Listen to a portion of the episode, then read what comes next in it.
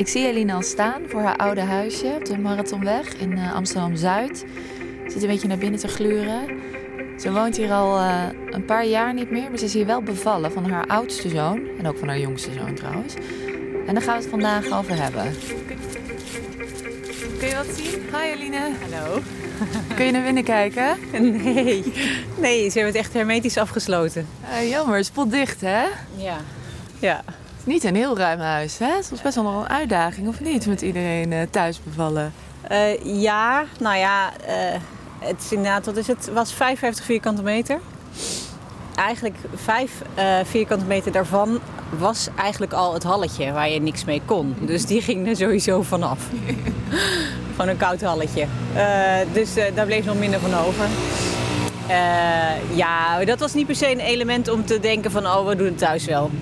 Ja. Maar kan je het nog voor de geest halen? Dat je hier, uh, kan je het je voorstellen dat je hier in dit huis bent bevallen? Ja, ja, dat, ja nee, dat, dat is redelijk levendig. Dat is natuurlijk ook wel uh, omdat het een soort van verhaal is geworden.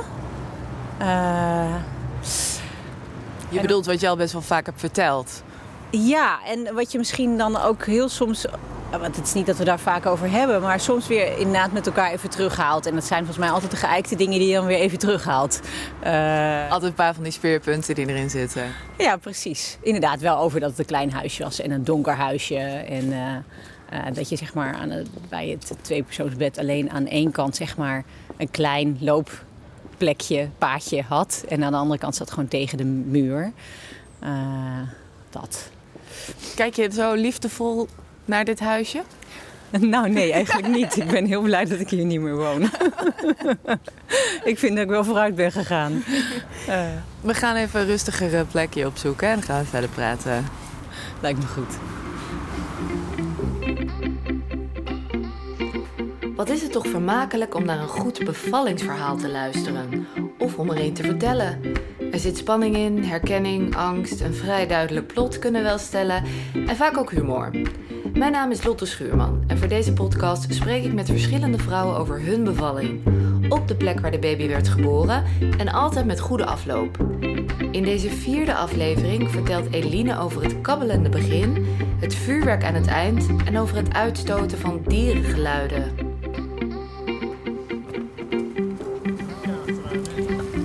We hebben inmiddels een uh, wat rustiger plekje gevonden, schuin tegenover jouw oude huis op de Marathonweg. En we zitten nu op een bankje op een uh, speelveldje waar wat kinderen ook aan het voetballen zijn. Kwam jij hier wel eens met jouw jongens? Ja, nou ja, het is een beetje verdeeld. Het hele plein is verdeeld in twee stukken door de weg die er in het midden loopt. We kwamen meer aan de andere kant. En nu zitten we eigenlijk vooral op een groot stuk asfalt. Waar ze eigenlijk nog een beetje te klein voor waren om echt te, spelen en te voetballen. Maar dit plein aan zich, ja, daar kwamen we veel. Uh, ook omdat hier kinderdagopvang uh, aanziet. Waar ze allebei heen gingen. Want hoeveel jaar is het geleden dat jullie hier uh, vertrokken zijn naar Utrecht? Vijf jaar geleden. En, en als je nu, want je, kan je, je kunt je oude huis vanaf hier zien. Ja. Uh, zie je het nog voor je, dat beeld van jouzelf met beginnende weeën in het woonkamertje? Ja, dat zie ik eigenlijk nog heel goed voor me. Ja, dat, maar negen jaar is natuurlijk ook niet echt een eeuwigheid geleden. Maar dat, uh, dat zit nog wel duidelijk uh, in, mijn, uh, in mijn geheugen, ja. En welk beeld komt er dan gelijk op? Nou, dat ik midden in de nacht heel braaf op, een, op de bank zit, onder een kleedje. En de weeën te tellen, zeg maar. ik werd toen wakker van een, een, een telkens terugkerend gevoel tijdje wakker gelegen, toen naar de wc gegaan om te plassen. En toen dacht ik, nou, dit zou het wel eens kunnen zijn. Ook omdat we inmiddels een week na de heilige datum waren. Dus ik ging uh, naar de woonkamer en daar ging ik op de bank zitten onder een kleedje met pen en papier in aanslag. En telefoon of klok of zo om bij te houden met welke frequentie die weeën kwamen. Weet je nog hoe je je toen voelde? Was je nerveus? Of... Nee, ik dacht wel een soort van, nou, het, het gaat, ik voelde me echt van, nou, ik ben er klaar voor. Deze hebben we zien aankomen en uh, uh, nee, helemaal niet nerveus. En ik voelde me juist soort van dapper dat ik in mijn eentje daar ging zitten. Weet je. Ik dacht, ik laat hem gewoon eventjes slapen. Want het is toch midden in de nacht en dat duurt allemaal nog heel lang. Dus eh, nee, heel opgewekt en eh, zin in. Had je toen al veel pijn? Nee, nee, helemaal niet. Nee, het was, eh, het was wel dus een heel duidelijk gevoel eh, wat anders was. En dus inderdaad iets wat je, waar je wel iets van moest aantrekken.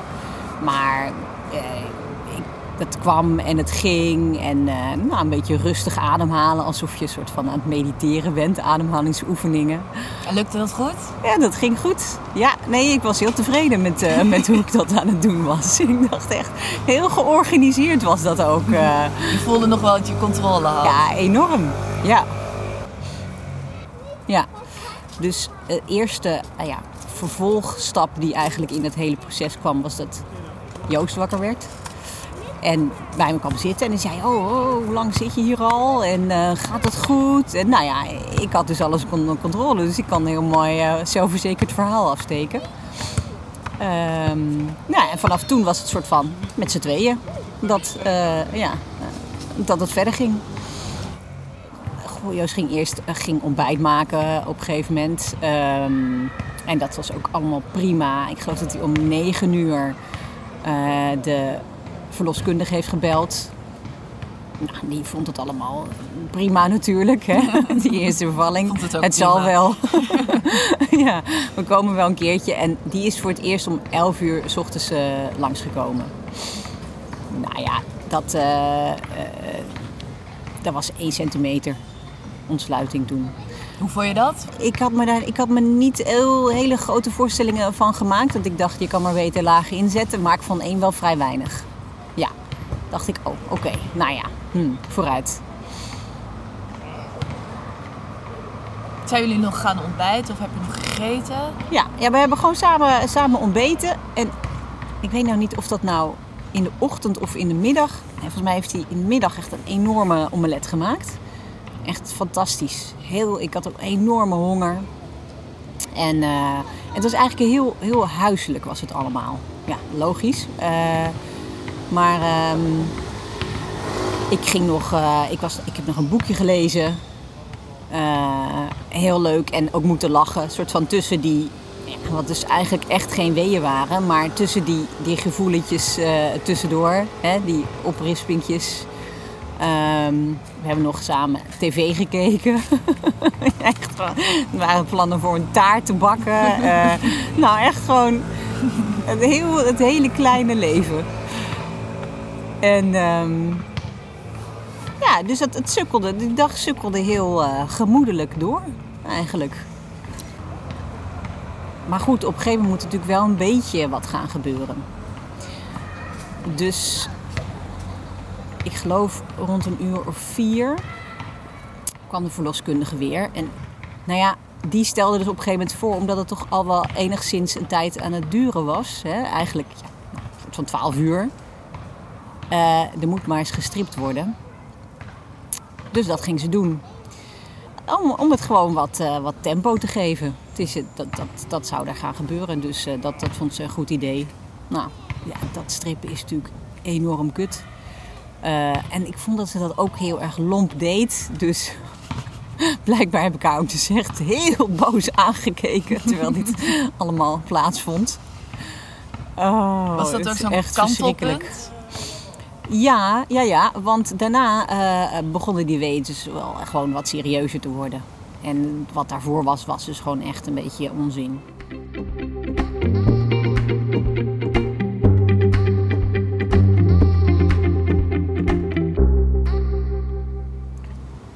Ja, vanaf toen ging het echt gewoon echt los. En eh, was het ook minder, wist ik ook niet zo goed hoe ik het hoe ik eigenlijk allemaal moest, eh, moest wegademen. Dus dat, dat was nog heel eh, een beetje ja, bewegen van de ene kant naar de andere kant. eh, lopen. Al die ideeën over ga lekker onder de douche staan. Dat vond ik echt verschrikkelijk. Ehm, maar wat dan wel? Ik, ik, denk, ik denk dat die douche even heeft aangestaan. Maar ik gewoon het al direct een heel slecht plan vond. Dus gewoon weer terug naar de slaapkamer. En eh, ja, ik weet het niet. Gewoon maar wat doen. Ehm, Eigenlijk wist ik denk ik toen al niet zo heel goed raad met, uh, met het gevoel. Maar, uh, maar ja, ja uh, dit, dit, uh, ik kon er ook niet zo heel veel anders mee. Dus ik had niet een soort van cadans of iets wat ik maar bleef doen wat hielp. En ehm, ik denk om, om zeven uur toen begon het wel inderdaad echt zo uh, serieus te worden. En toen dacht ik ook van, Jezus, nou is echt al, wat zijn die heftige weeën al zo lang. Eh, eh, dit, dit gaat nog, maar het was meer een soort van het vooruitkijken naar, oh ja, hoe lang gaat dat dan nog door? En uh, ja, kan ik dat eigenlijk wel? Dus dat was een beetje het rare. Dat ik, dat, dat het, hoe het op dat moment was, ging het nog net. Maar het idee dat het zo bleef, bleef doorgaan was eigenlijk niet, niet te verteren of zo. Dus toen uh, uh, heb ik blijkbaar ook nog iets gezegd over... nou ja, misschien moeten we maar gewoon naar het ziekenhuis gaan... alsof dat dan zou helpen. Want daar was iemand met een spuit of ja, hulp. Verlossing. Letterlijk of figuurlijk. Maar dus blijkbaar heb ik dat toen wel even genoemd. Maar toen, uh, de, de, de verloskundige die er toen was, die, uh, die dachten... Oké, nou, als je zulke dingen gaat zeggen, dan wordt het echt wel wat serieuzer. Nou, ook iets wat ik niet op dat moment wist, maar pas achteraf me had bedacht... is dat ik gewoon ook... Ik ging ook hele gekke geluiden maken. Uh, vanuit, ja... ik weet niet wat dat was. Ik weet niet, maar dat was dus het enige wat eruit kon of zo. En het was een hele mooie warme dag. Echt heel warm. En je hebt het, ja, als je aan het vallen bent, heb je het sowieso nog, nog extra warm. Dus het was echt, het was echt goed warm.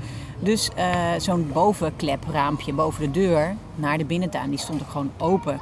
Maar ik heb echt totaal niet gedacht aan buren. Totaal niet. En we hebben daar ook nooit buren over gehoord eigenlijk. Dus het lijkt mij onwaarschijnlijk dat mensen het niet gehoord hebben. Want die dacht mij misschien dat je ten onder ging, dat je daar dan ook niet meer woonde daarna. ja, of het is heel normaal dat mensen gewoon af en toe zulke geluiden uitstoten. Ja, of het is Amsterdam en we trekken ons toch niks aan van wat daar gebeurt.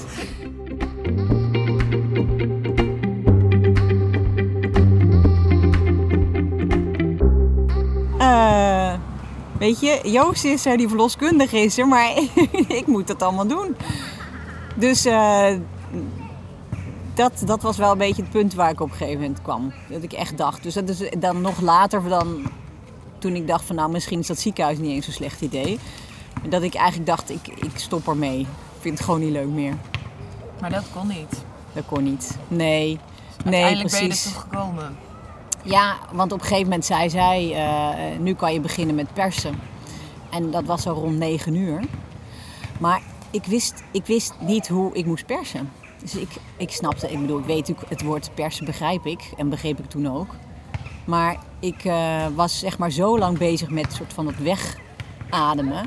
Dat ik, ik het, het fysieke, de, de om, het omzetten van... Of het vertellen tegen je hersenen dat je dus nu iets anders moet gaan doen. En die dat dan doorgeeft. Maar dat kwam me niet. Ik, ik snapte niet hoe ik moest gaan persen. Het is ook een totaal andere dynamiek natuurlijk. Heel Van, uh, anders. Proberen die weeën te baas te blijven en dan opeens heel actief. Nou, en dat je moet persen in de wee. De wee die dus al heel veel pijn doet. En dan moet je een soort van het nog erger maken door mee te persen. Ja. Dat vond ik heel onlogisch. En het lukte me dus ook niet. En dat duurde heel lang. En dus ze heeft er inderdaad ook wel een aantal keer toen ook gezegd van... Nee, ja, je moet, moet nu wel gaan persen. dit, is, dit is nu de volgende fase. Een beetje meedoen. En dat, dat, nou ja, daar heb ik echt eventjes mee uh, geworsteld. Geen idee hoe lang. Ja, het, voelde, het hele persen voelde helemaal niet als een bevrijding. Uh, wat je wel heel vaak hoort. En nu mag ik eindelijk iets gaan doen. Nee, ik vond het echt, echt verschrikkelijk. En dat heeft dus uiteindelijk ook nog drie kwartier geduurd. Dat is best wel lang. Dat is best wel lang, dat vond ik ook. Ik vind het heel grappig uh, dat, ik, uh, dat ik geen idee had wat ik moest gaan doen. Terwijl het natuurlijk heel vaak gaat over uh, hoe moet dat persen nou in, in dat hele voortraject. Hè? als je persles krijgt, of bevallingsles of wat dan ook. Leek het daarop, op de persles? Nee, maar ik begreep sowieso dat hele persen nooit zo heel goed in die uitleg. En ik dacht, het, het, ja, het zal wel.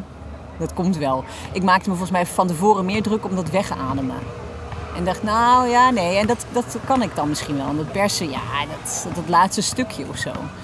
Dat, uh, dat, dat is waarschijnlijk zo gedaan. Maar dus die viel echt het meeste tegen.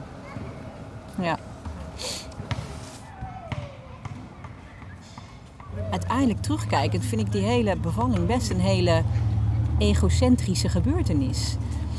Dus die draaide verder helemaal niet zo om die baby, maar heel erg om mezelf. En zo, zo kijk ik erop terug. Ik was onwijs met mezelf bezig. En sterker nog, zelfs toen hij geboren was, was ik nog steeds heel erg met mezelf bezig. Dat ik echt dacht, jezus, wat is me overkomen? Wat is dit? Ik was echt sprakeloos. Ik heb niks kunnen zeggen ook. En, uh, en ik weet nog wel een beetje, zeg maar, dat gevoel toen hij dan op mijn borst is gelegd. Maar niet van dat dramatische als je in films ziet, hè? Van, oh, en nu is alles goed of zo. Nee, nee, het was, het was heel mooi. Of tenminste, het was gewoon. Maar uh, ik was nog steeds ook heel erg met mezelf bezig. Ik vind dat ook wel een beetje een zwaktebod. En klinkt allemaal niet zo mooi. Maar uh, ik vind dat het opvallendste eigenlijk, vond ik dat. En vind ik nog steeds.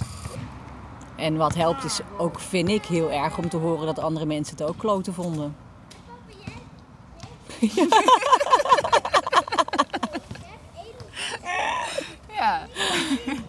is waar, ja. Nou, en dat ongelooflijk dat je lichaam daar dus weer van kan herstellen. En dus dat je geest het kan vergeten. Ja. Goed geregeld. Bevalt het is een podcast van mij, Lotte Schuurman. Audionabewerking en muziek zijn van Jeroen Bouwman. En voor alle mensen die wel eens een kind ter wereld hebben gebracht, chapeau. Bedankt voor het luisteren en tot de volgende.